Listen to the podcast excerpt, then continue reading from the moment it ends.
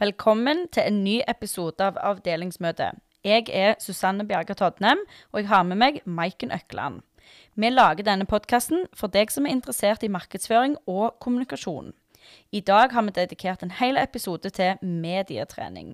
Og vi håper at du blir mer bevisst på hvordan du snakker med mediene, og vi håper òg at du får med deg et par triks og tips etter denne episoden.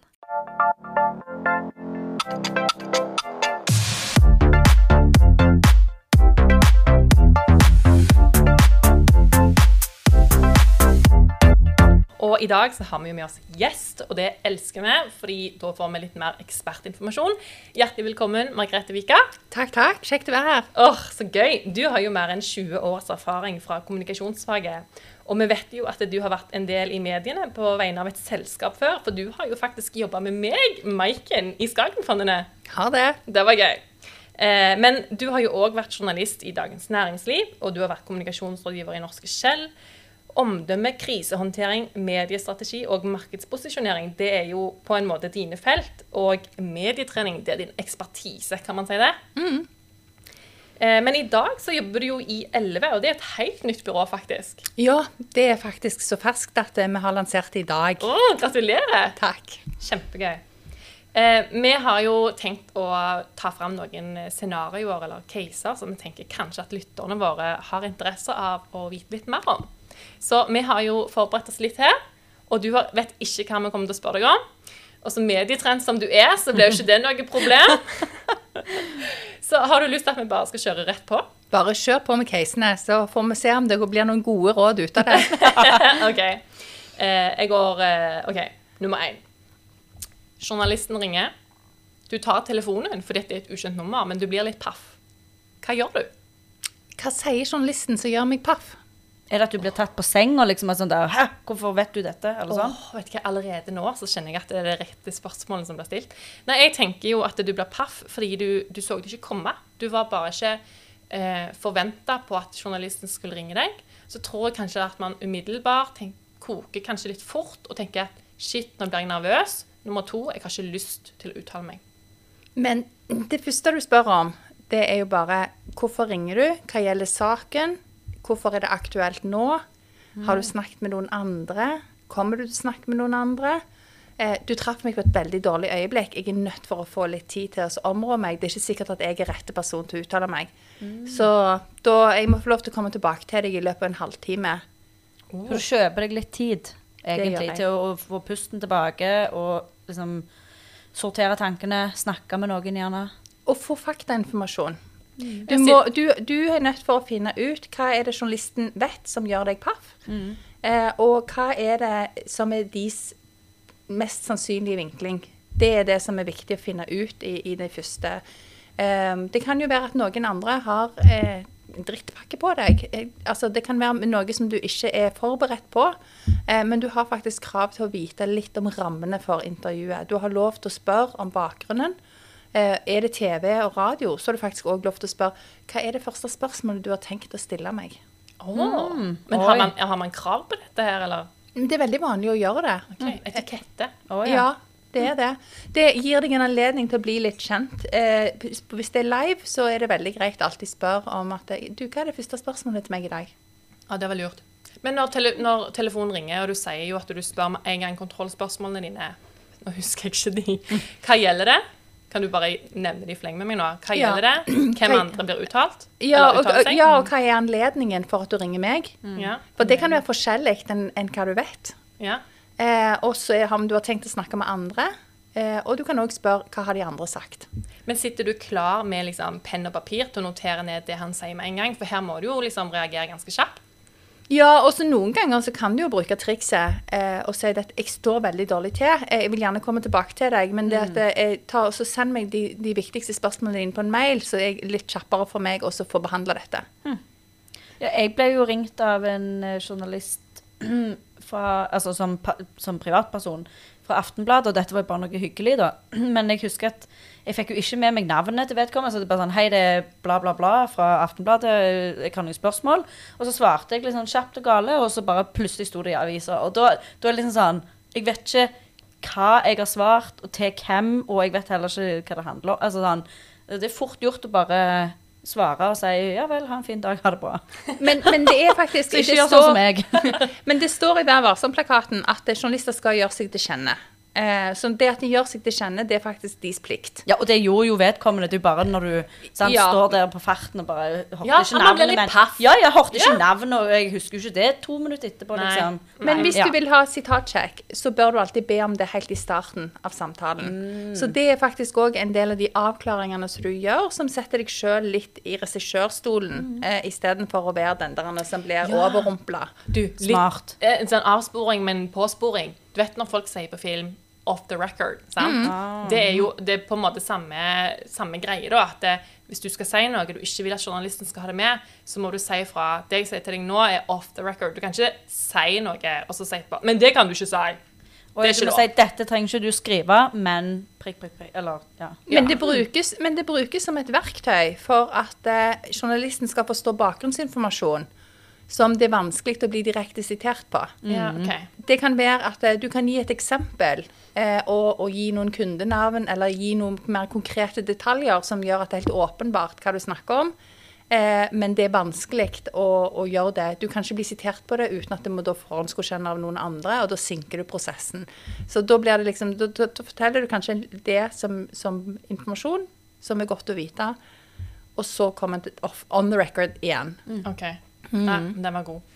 Vi har et neste case. Og da spørsmål til deg, Susanne. Å, hjelp. Hvor glad på en skala fra 1 til 10 var du å, å høre din egen, altså opptak av din egen stemme, enten i radio, podkast eller TV, før du starta med podkast? Null prosent glad i det. Okay. Men jeg syns det er mer krise på film. For hvis du kan koble denne stemmen min her til et ansikt mens jeg snakker, det syns jeg er veldig ekkelt skummelt. Det liker jeg ikke. Men når det bare er stemmen min, så opplever jeg at jeg syns det går greit. Hva tenker du da, Margrethe, eh, hvis du jobber f.eks. Med, med kunder, og så f.eks. at jeg er din kunde nå, og så sier jeg sånn Åh, men jeg syns det er utrolig ubehagelig å høre meg sjøl snakke. Jeg klarer ikke å se Skal jeg fortelle dere en hemmelighet? Ja, jeg, jeg gir meg en hemmelighet på podkast, helst i dag. Det du ikke liker med stemmen din, det er det vi andre hører hele veien. Wow. Når kommer pang-pang-lyden til dine, Susanne? Eh, men det, vi er jo vant med å høre stemmen vår fra innsida. Eh, så når vi hører den spolt tilbake, så føles det ubehagelig for oss. Ja, Så ikke den der klang, gjenklangen inni Gjenklangen. skolten din. Men sånn som den høres ut på video, på podkast, det er sånn vi vanligvis hører Maikensens stemme. Åh, Men kondolerer til alle i min omgangskrets. Nei, men jeg, jeg har en, eh, en påstand her. Eh, Jeg hadde det sånn før at jeg syns alltid at det var helt grusomt å høre opptak av meg sjøl. Og så eh, en dag i livet mitt så gikk jeg på journalistikklinjen, og vi hadde proft utstyr og opptak i studio og sånt. Og jeg husker jeg grudde meg til første gang vi skulle ha en liksom live radiosending. Så måtte vi jo spille det gjennom etterpå. Og da husker jeg at jeg tenkte Shit, det hørtes jo ut som meg. Så min konklusjon var jo proffere utstyr, jo mer korrekt gjenklang fra liksom min hjerne. Men er det bare mindfuck, om jeg kan si det sånn? Jeg Jeg tror det er en annen faktor som spiller like stor rolle. Okay Mengden du har hørt deg sjøl, har økt gjennom den treningen du har gjort gjennom utdanningen din. Ja, kanskje det. For dette det handler òg om at du venner deg til å høre deg sjøl og se deg sjøl på kamera. Eh, og så lærer en òg noen triks som, som hvordan en står, hvordan en ter seg. Og så er det sånn at det, eh, kroppsspråk teller 80% Sjøl nå, når vi bare hører stemmene.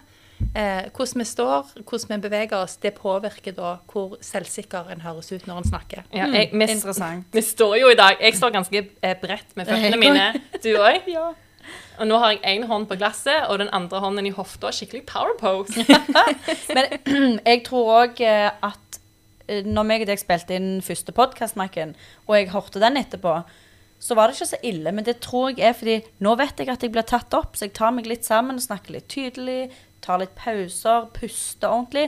Men her om dagen så var det noen som lagde en film med mobilen sin, og så står jeg i bakgrunnen helt uvitende om at de filmer. Og når de spiller den av igjen da, for å vise dette til noen, så kommer jeg sånn der flyndra i bakgrunnen og liksom med den grusomme kommentaren. Det, har- da hørtes det så dumt ut. Og det tror jeg er fordi at jeg visste jo ikke at det ble tatt opp. Da ville jeg gjerne liksom tatt meg litt i Du ville helst være off record, Ja, og så ble ville du plutselig på. Stemmer det. Ja, men det, det er jo ikke greit. Nei. Da. det var jo sikkert Jo, jo, bare uskyldig der, da. Men det var litt fascinerende det du sier med hvordan man står og sånt. Kan du ikke si litt mer om det? For dette kan jeg veldig lite om, og da vet jeg ikke hva spørsmålet jeg skal stille deg. Men si at du har TV, da. Hvordan skal du stå? Eh, Det som er lurt, det er å stå avslappa. Eh, og så ikke fomle, ikke ja. fomle for mye med hendene. Eh, ikke blafre med papir. Ja. Eh, Alt når du, jeg har gjort når jeg har holdt kurs, har jeg. OK. og det som òg er viktig når du blir filma, det er at eh, du skal se på journalistens intervju deg. Du skal ikke se i kamera. Nei, nei, nei. Det, det er så fy. Ja. Ja. Men hva med eh, ord eh, Altså mm, når blikket bare går overalt Ikke inn i kamera nødvendigvis, men at det, det ser overalt. Det ser ikke journalisten ja, det Ja. ser ikke journalisten i øynene. ja da, da fremstår du som lite troverdig med en gang. Oi. Så det må man trene seg på, å se journalisten i øynene. Ja. Og hvis du tar for lange tenkepauser, så virker det jo òg som om du ikke vet helt hva du holder på med. Ja, men det kan nok stemme. OK. Hva med at du representerer en bedrift av kanskje mindre størrelse, men det betyr jo ikke at du har mindre lyst til å få medieeksponering, men kanskje du ikke har budsjettene da, til å ha et proft kommunikasjonsbyrå i ryggen. Altså, hva bør du gjøre for hvis du vil øke eh, liksom medieeksponeringen din, medieeksponeringen din? For eksempel, kan vi si noen tre punkter da, som eksempel lyttere med små bedrifter kan ta med seg? Jeg tror det viktigste det er at eh, du må oppfylle nyhetskriteriene. Det må være overraskende, det må være vesentlig. Sant? Det, må være, det må være en nyhet, rett og slett. Ja. Eh, og det kan heller ikke være markedsføring. Og markedsføring er noe som de fleste journalister som tar seg selv litt seriøst, eh, skygger banen på. Så du er nødt til å tilby en historie som forteller litt mer enn at vi er gysla flinke på dette. Eh, derfor bør alle vite om oss og kjøpe våre produkter. Eh, men hvis en kan fortelle en historie eh, som er knytta til samfunnsnytte, eh, hvorfor det er relevant, eh, hvorfor det er en super, fantastisk nyhet i, i seg sjøl. Eh, det er et gjennombrudd. Det er markedspotensial. Du, du må bygge en kontekst rundt det en ønsker å få fram, som, som alle, alle har mulighet til. Det som er ganske fint med medier, det er jo at det, det jevner ut ganske godt. Det er historien som er viktig. Men jeg tror det er viktig at bedrifter er litt selvkritiske når de Det var en bedrift som kontakta meg og spurte om jeg kunne skrive en pressemelding eh, for dem, og at jeg kunne sende den til Aftenbladet. Og nyheten var at de hadde en ny meny. Og, og da måtte jo jeg si sånn som du sier nå, at dette er faktisk ikke en nyhet for uh, om verden, på en måte. Det er en nyhet for dere, men i, det er markedsføring, på en måte. Det er ikke nyhets... Det er ikke mediestoff. Og så er det et vokabular som fungerer veldig godt hvis du går på en sånn eh, pitchekonkurranse, og at du skal vekke interesse blant investorer. Eh, men som absolutt ikke er et godt vokabular å bruke. Eh, hvis du ser at du er veldig unik, eh, snakker bare om økosystemet ditt eh, og, og, og om pitching, eh, så er det ord som på en måte blir fremmedgjørende, og som setter deg på feil arena. Det er ikke nyhetsverdig i seg sjøl. Men det ordet nyhet, det tenker jeg er så ekstremt misbrukt på vegne av alle, i alle kommunikasjonsavdelinger ute der, egentlig. Altså Bare for fem år siden så vil jeg jo nesten si at de, de fleste avdelinger satt og produserte nyhet på nyhet på nyhet på egne nettsider, og så tror man at dette er av verdensinteresse. Kjen- Kjenner du deg igjen? Ja, jeg kjenner meg igjen på det òg. Jo, men så er det jo sånn når du leser aviser i dag, så hvis du kjenner saken godt, så syns du jo aldri at den er godt nok gjengitt i avisa. For dette du sitter på mer kunnskap. Eh, så det er òg noe med det at eh, du, du vil jo ikke få alt på trykk. Du får ikke alt med på 60 sekunder på et nyhetsinnslag heller. Nei. Så, sånn at et utvalg må gjøres, det må spisses. Eh, og så er det jo det at eh, en må klare å fatte seg i korthet. Eh, og det er vel kanskje det vanskeligste med å være på i media. Og så er det jo det at eh, du bruker kanskje en time med en journalist, og så bruker han to setninger ordrett av det som ble sagt i løpet av den timen. Ja. Det skal være sitatvennlig. Ja. Det må være sitatvennlig. En må tenke at dette er såpass eh, spisst godt formulert at det er leseverdig for deres målgruppe. For de tenker jo hele veien på de som skal kjøpe de eh, hver dag, sant? OK, neste case. Eh, nå handler det mer om eh, feil. Det er litt kjekt å påpeke feil av og til. Eller feil. Så Susanne, jeg spør deg først, og så kanskje Margrethe kan følge på. Hva, liksom, hva, hva, Nå sier jeg jo hva tror. Hva tror meg og deg, da, er liksom det folk flest gjør feil når de blir intervjua, uavhengig av hva slags kanal det skal i. Oi. Um, ikke har tenkt gjennom Eller hvis du ikke vet spørsmålet, så kan det være at du ikke har tenkt eh, gjennom hva, som er, hva du egentlig vil formidle. Mm. Det tror jeg er kanskje er den største feilen. At du ender opp med å ha egentlig sagt noe annet enn det du mener. Ja. Og sånn som jeg er veldig flink på, å bruke for mange ord. Ja, men meg, meg og deg er jo eksempel eksempler på noe for eksempel eksempler på noen som liker å snakke, og som lett kan fylle inn med masse ord.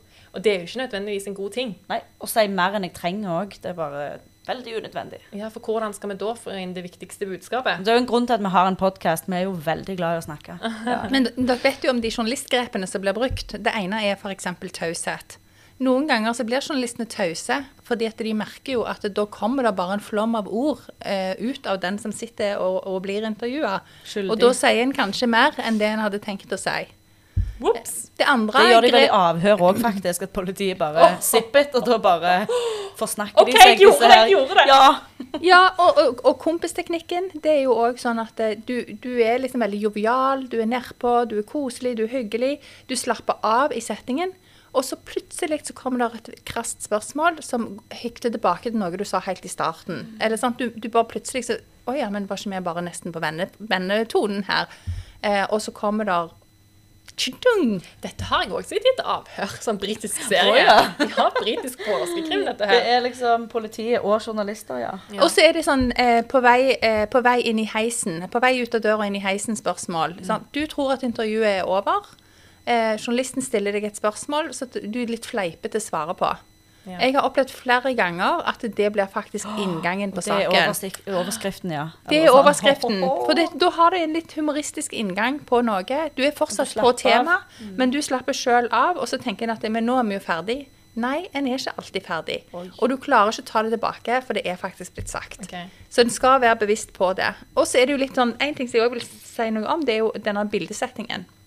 Du skal være litt bevisst på hva bilder du tar. For de tar kanskje, når de først kommer på et intervju og tar bilder, så tar de kanskje 100-200 stykk. Eh, det er ikke sikkert at alle de egner seg, men veldig mange av de blir liggende på arkiv. Som de tar opp i andre sammenhenger. Det har jeg opplevd, og eh, kan jo bare òg si det at jeg angrer mine bitre tårer på at eh, da Byas kom eh, Nei, ikke no, hver gang når. Da Byas eh, kom hjem til meg, og fotografen der sa 'Legg deg på magen, det blir kult'. Legg deg på magen blant alle plantene dine. Og jeg, jeg, var, jeg kunne jo vært kritisk og sagt vet du hva, det blir faktisk for dumt. Det vil jeg ikke gjøre. Mm. Men jeg la meg ned, og det ble jo selvfølgelig hovedbildet. Men det er det som er Og det, og det, det dere spurte om, det er liksom hva er hovedfeilen som blir gjort. Eh, det er faktisk at en blir for spørsmålsdrevet. En blir for høflig. En føler seg litt som en gjest i intervjuet. At en er så heldig som får lov til å få noen på besøk som vil skrive om en eller, eller intervjue en. Eh, at en faktisk glemmer at det, det er du som har budskapet. Du har faktisk regien. Sitat på veggen. Kan vi ha dette som et sitat på veggen? Ja. Bildesitat. Det er du som har budskapet. Ja, vet du hva? Det er et veldig godt poeng som jeg gjerne skulle lært for noen uker siden. Jo, og, men det er noe med å, å, å, å bestemme seg for hva er drømmeoverskriften. Det er en teknikk som jeg bruker. Hva er drømmeoverskriften? Pass på at det budskapet der blir tatt med noen ganger. Så kan du bruke forskjellige eksempler til å belyse det. Du kan bruke forskjellige fakta til å belyse det. Men da får du i hvert fall med det som er en rød tråd i, i det som til slutt blir de der to-tre setningene som kanskje står igjen til slutt. Jeg trodde at eh, på en måte mer sånn der en eh, skjelvende stemme, eller eh, at du nesten står og rister. At det, du vet når du ser synlig at noen er nervøs på TV, Mm, og full du fyll det ord, på sånn som jeg sier. eh, Mellom eh, hvert ord. eh, Jeg tenkte kanskje at det var dette du ville avdekke, men jeg, jeg liker at det går litt mer i dybden. Og hvis man er stressa eller nervøs, det er jo kanskje noe som kommer med tiden. Eller at man Nei, men Hvis en har kontroll på eget budskap, så blir en ikke så nervøs. Da vet en jo hva en skal si. Du unngår de andre eh, formfeilene eh, når det er at du klarer å være tydelig på innhold. Hvis du er godt forberedt, så føler en seg tryggere, og da blir en ikke så skjelven i stemmen. Da kommer det åpne spørsmål, så vet du hva du skal si. For med åpne spørsmål så kan du nesten svare hva som helst. Eh, og så er det jo òg mange teknikker for å så si nei til spørsmål. Som, du, som er urimelige. Ja. Uten å si ingen kommentar. Ja. For ingen kommentar er en dårlig kommentar. Ja. Da virker en veldig defensiv, og da er en helt på bakbeina. Kan du si, Det kan vi snakke om en annen gang, eller tilsvarende? En bør ha en sånn ikke-kommentar-kommentar. Å ja, meg et som er vennlig. Eh, veldig ofte så avviser en jo sånn personalsaker med at eh, det kan vi ikke uttale oss om, for det er en personalsak. Eh, det er spekulasjoner. Det er for tidlig å si noe om det. For da sier man egentlig Jeg skulle gjerne gitt deg et svar, men jeg, jeg får ikke lov. Jeg kan ikke.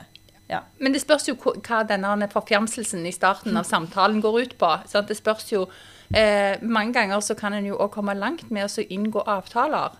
Du kan jo få større innflytelse på intervjuet hvis du avtaler noe eksklusivt én til én, som journalisten har litt mer tid på å forberede, enn hvis en stiller på en pressekonferanse. En pressekonferanse, da er jo alt som blir sagt i rommet, eh, er jo det som er tilgjengelig for alle. Ja. OK, da. Men en annen, da. Hvis at kunden din er veldig, veldig nervøs før et intervju, hva er liksom de beroligende rådene?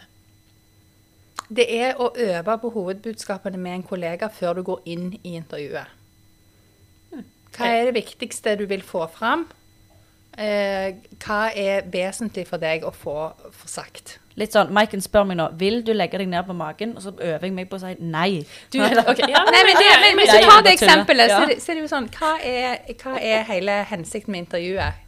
Hva, hva, var liksom, hva var overskriften der? Da når jeg fikk besøk, det var jo at eh, alt kan, eh, du kan dyrke alt mulig i krukker og eh, i, i hagen. Altså, det er ingen begrensning hvis du ikke har en stor hage. Ja, så hageglede. Ja. Ja. Eh, stor hageglede uansett størrelse på hagen. Eh, det budskapet blir ikke sterkere med å ligge på magen. Eh, da kunne en sagt eh, Så det, det går an å tenke litt gjennom i forhold til hovedbudskapet ditt. Ja. Hva for et bilde styrker mitt budskap? Jo, du kan ha sett deg ut en plass i hagen som ser ekstra frodig ut. Og det som er trist, er at jeg hadde jo sett for meg her kan det bli perfekt å ta et bilde når jeg liksom står her og sånn.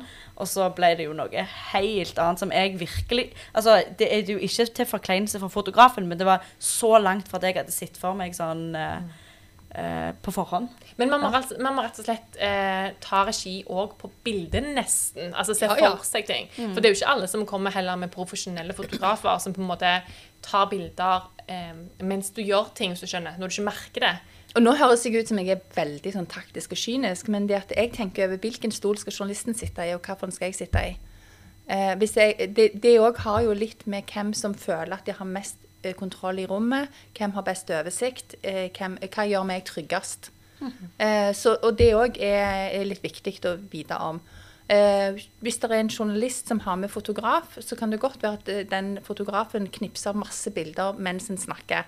Jeg mister litt tråden av det når det knipser, og jeg må konsentrere meg om liksom, skal jeg smile, skal jeg snakke, skal jeg ikke snakke. Ja. Eh, det går jo an å si kanskje vi tar bilder etterpå. Jeg har tid til det. Er det lov å si jeg blir litt stressa av den knipselyden mens jeg snakker?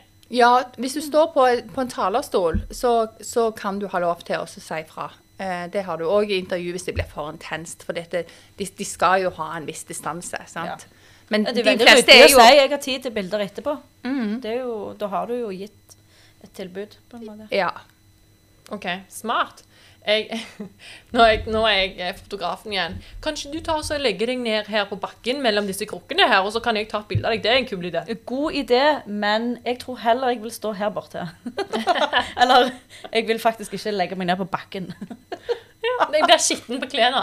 Ja, det kunne jeg sagt. ja, Kunne faktisk det. Ok, Men mange mange av eh, oss eksempel, må skrive en pressemelding og få den ut. Hva er de vanligste feilene vi gjør i pressemeldingene? Du løfter ikke det viktigste øverst. Mm. Hva er det viktigste? Det kommer helt an på saken, så det er veldig vanskelig til å svare. eh, Sant? Men det er noe med at eh, en må løfte nyhetspoenget til toppen, sånn at en har lyst til å lese videre. Eh, å begynne med to avsnitt om selskapet, det er sjelden en vinner.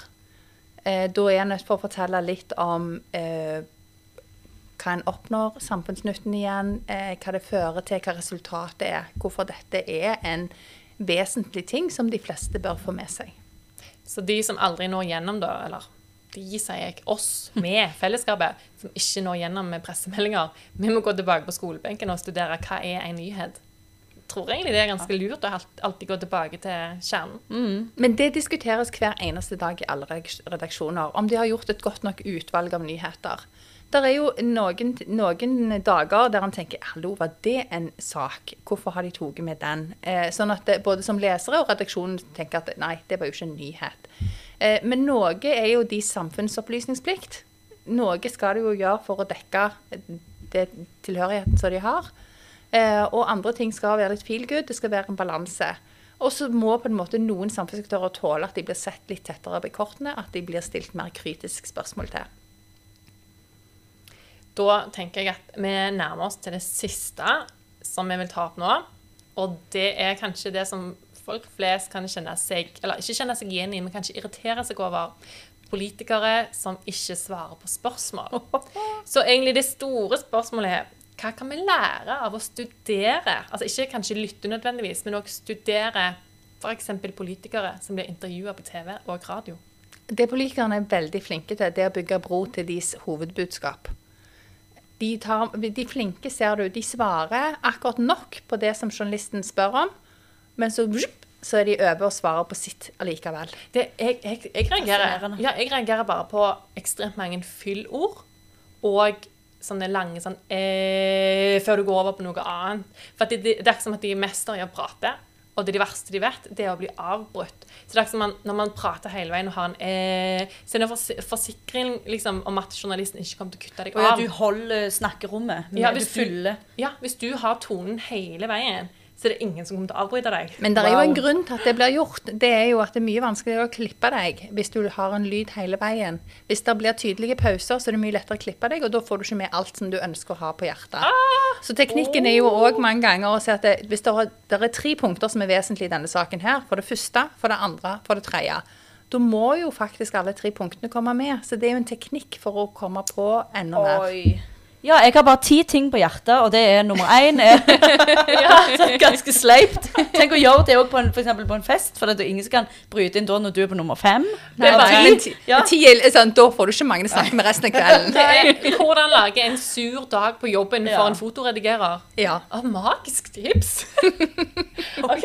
Oh. Nei, men jeg er veldig glad i hvordan vi på en måte oppdager sånn seriøse virkemidler. Ting jeg ikke har tenkt på har vært en gang, men at det er det. Så hadde jo du òg eh, eh, noen tips eh, Hvis, helt hvis, på tampen. skal, ja, hvis jeg skal ta å oppsummere, så vil jeg si at det er, er tre ting som er kjempeviktige når journalisten ringer. Det er at du sjøl setter deg litt med hendene på rattet. Spør hva det gjelder, hvem, hvem som liksom har utsalgsstaten, hva anledningen er. Det er det første. Få vite rammene og konteksten. Nummer to, forbered det du sjøl skal si. Øv på budskapet. Gjør det så enkelt at det, det er interessant å ta det med. Eh, og nummer tre så er det jo det at skal du ha sitatsjekk, noe som er en god ting å spørre om, spesielt hvis saken er komplisert og det er mye faktainformasjon, ting kan gå galt, så må du faktisk si at 'jeg ønsker sitatsjekk' før en begynner å svare på spørsmålene. Eh, og så er på en måte summen av disse tingene Det handler jo om at en skal ikke være gjest i eget hus. Eh, en må faktisk bare si at jeg har noe interessant å si, og derfor så skal jeg ta den plassen som jeg tror det budskapet fortjener. Men- du, Wow. Sitatsjekken, det var bare litt løye. Vi har en bekjent som eh, ba om sitatsjekk på en sak, og der hadde han sagt B2B-bedrift, eller en B2B. Det var blitt oversatt til noe helt annet. Det var ikke B2B, eller B2B. Det var bare noe helt annet. Så det var liksom viktigheten av å ta sitatsjekk Ja. for å ha Jo, jo. Eh, VT, VT, VTG eh, er jo òg noe som blir brukt i visse kretser. Eh, så har vi biler og lading og sånt å gjøre. Vehicle to grid. Eh, og det er òg sånne ting som, som, Aldri en må, hørt om. Ja. som en må være ganske obs på. Sjargong og faguttrykk, og ikke bruke det. Ja, smart. Ikke bruke faguttrykk. Ja, tenk tenker på at de du snakker til, vet sannsynligvis ikke om hva disse forkortelsene betyr. Ja. Så Men vi har jo snakket om ganske snille saker nå. Vi har jo ikke snakket om de der skikkelig vanskelige sakene der du har bare lyst til å gjemme deg med hodet i sanden. Eh, eh, og det tenker jeg at det, da skal du faktisk søke råd eh, og få hjelp til å håndtere det, fordi det kan være ganske belastende. Eh, der er noen saker der, der det er faktisk viktig å bare ta seg tid til å forberede det og kanskje søke råd og øve.